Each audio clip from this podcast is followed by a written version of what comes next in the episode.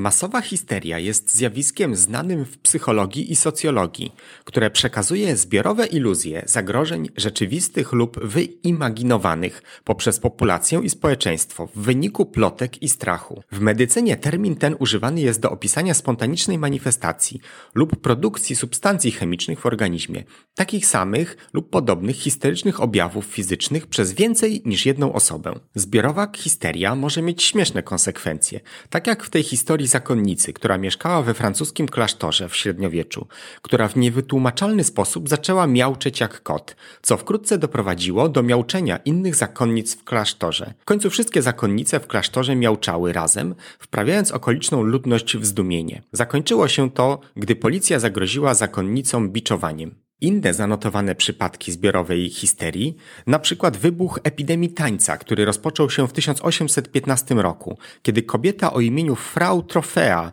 zaczęła żarliwie tańczyć na ulicy w Strasburgu. Trofea tańczyła nieprzerwanie przez tydzień. Wkrótce dołączyły do nich inne osoby. Do sierpnia tańcząca zaraza pochłonęła 400 osób. Tancerze zaczynali się załamywać. Mówi się, że niektórzy zmarli z powodu udaru lub zawału serca. Nikt nie wiedział, co spowodowało tą reakcję, co oznaczało oznaczało, że nikt nie wiedział, jak temu zaradzić. Na początku września epidemia tańca zaczęła ustępować, kiedy tancerze zostali wysłani do górskiego sanktuarium, aby się modlić o rozgrzeszenie. Teoria zna też bardziej tragiczne przypadki zbiorowej histerii, na przykład procesy czarownic z Salem w USA w stanie Massachusetts w 1692 roku, kiedy to masowa panika sprawiła, że oskarżono, a następnie skazano i wykonano wyroki śmierci na blisko 20 mieszkańcach stanu Massachusetts, przeważnie kobietach. Dzisiaj przedstawimy chyba największy przyznany przypadek zbiorowej histerii, wywołany przez audycję radiową Wojna Światów z 1938 roku, nadaną w Stanach Zjednoczonych. Bądźcie ciekawi.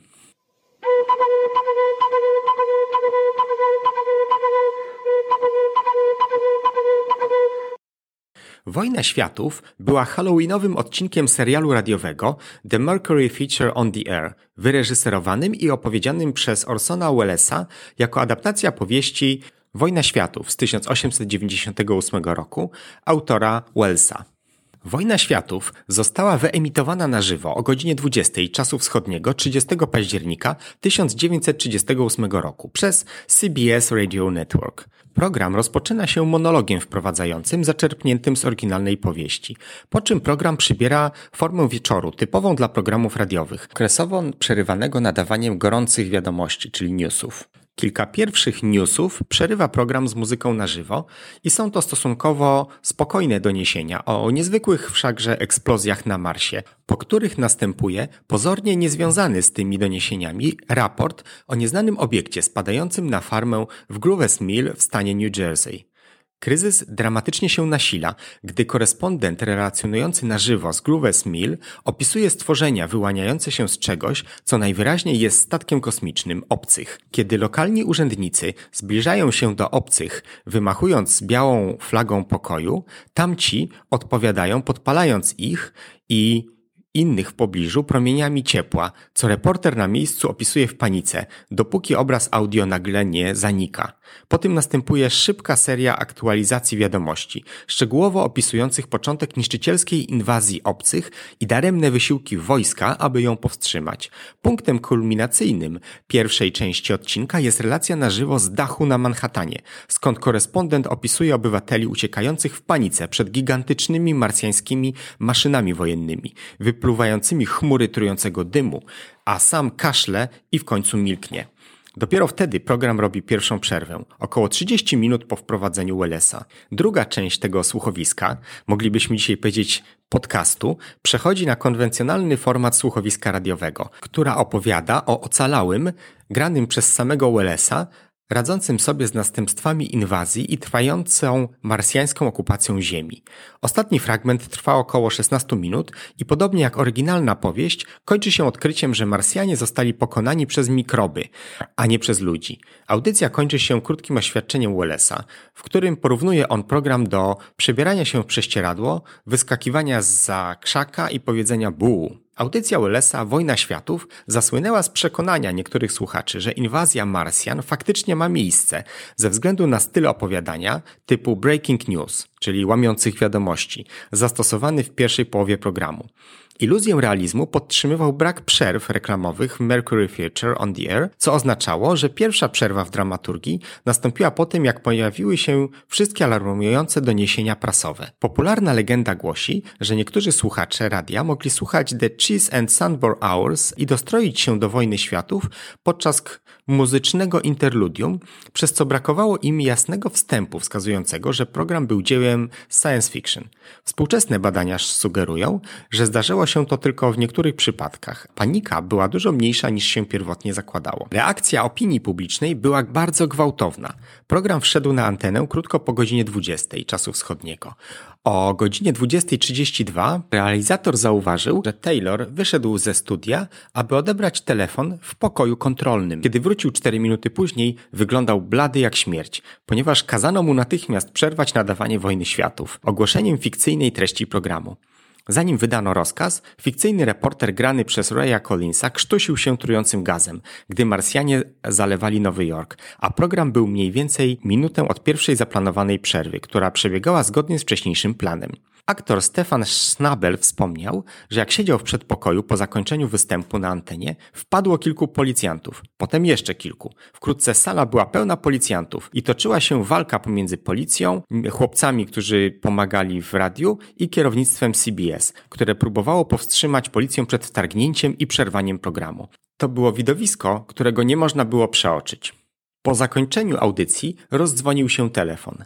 Houseman odebrał go, a wściekły rozmówca oznajmił, że jest burmistrzem miasta na środkowym zachodzie, gdzie tłum grasuje na ulicach. Houseman szybko się rozłączył. Albo nie było nas już na antenie, a drzwi studia się otworzyły. Kolejne godziny były koszmarem. Budynek nagle zapełnił się ludźmi i granatowymi mundurami. Wypchnięci ze studia zostaliśmy zamknięci w małym biurze na innym piętrze. Siedzieliśmy w odosobnieniu, podczas gdy pracownicy sieci byli zajęci zbieraniem, niszczeniem lub zamykaniem wszystkich skryptów i zapisów transmisji. W końcu wypuszczono nas, w końcu wypuszczono zespół realizujący audycję do prasy, która była żądna krwi i gromadziła się przed budynkiem rozgłośni. Paul White, ówczesny szef rozgłośni CBS News, został szybko wezwany do biura i popanował tam chaos. Napisał tak: Centrala telefoniczna stanowiła rozległe morze światła, mogła obsłużyć tylko ułamek połączeń przychodzących.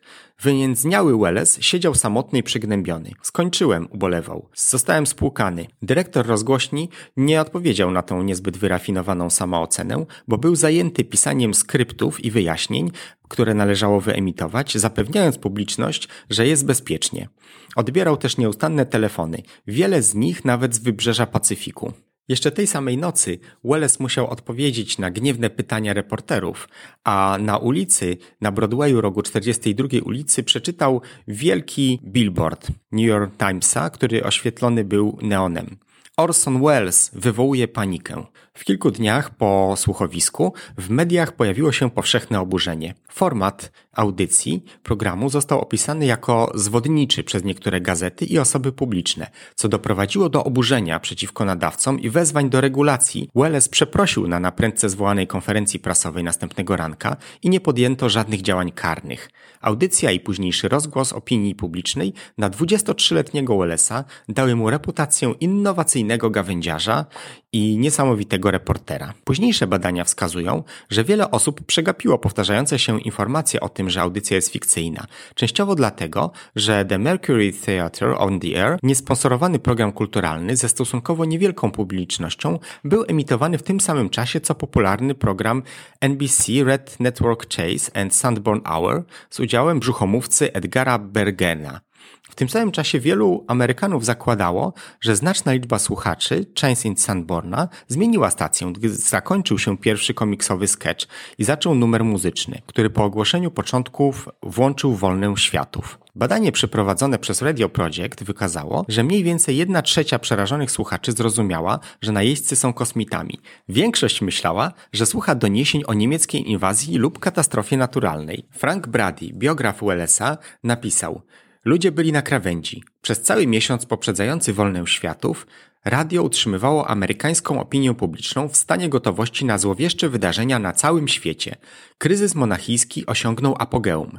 Po raz pierwszy w historii opinia publiczna mogła co wieczór dostroić się do swoich radioodbiorników i słyszeć oskarżenie po oskarżeniu, groźba po groźbie, pomruki, które zdawały się nieuchronnie prowadzić do wojny światowej. W badaniu opublikowanym jako The Evasion from Mars z 1940 roku profesor Hadley Cantrill z Princeton obliczył, że około 6 milionów ludzi słuchało Wojny Światów. Oszacował, że 1,7 miliona słuchaczy uważało, że audycja jest biuletynem informacyjnym, czyli prawdziwym newsem, a spośród nich 1,2 miliona ludzi było naprawdę przestraszonych lub zaniepokojonych. Późniejsze badania wykazały, co prawda, że wiele z tych panicznych reakcji było przesadzonych lub błędnych.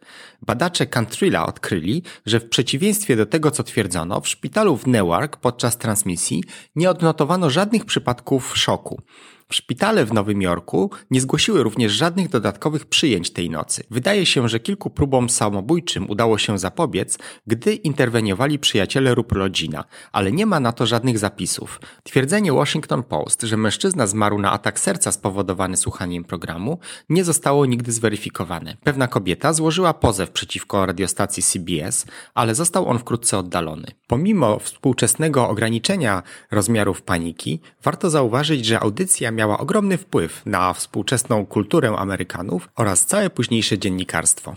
Na koniec jeszcze warto dokonać notek odpowiednich biograficznych. Książkę Wojna Światów napisał brytyjski pisarz Herbert George Wells jeszcze w XIX wieku, w 1897 roku. Jest to bardzo interesująca książka i nawet dzisiaj, po ponad 120 latach, czyta się ją z zapartym tchem. Głównym aktorem i autorem słuchowiska był natomiast Orson Welles z jednym E przed S, mający wówczas zaledwie 23 lata, młody dziennikarz, który w kolejnych latach został znanym producentem filmowym i aktorem. Jego pierwszą produkcją, z której zresztą sam wystąpił, był Obywatel Kane z 1941 roku. Orson Welles wyreżyserował też 12 innych filmów, z których największe i najbardziej znane to The Stranger, Lady from Shanghai, Touch of Evil, The Trial, Crimes of Midnight oraz F for Fake. Być może ten podcast jest dobrym startem do obejrzenia jednego z jego filmów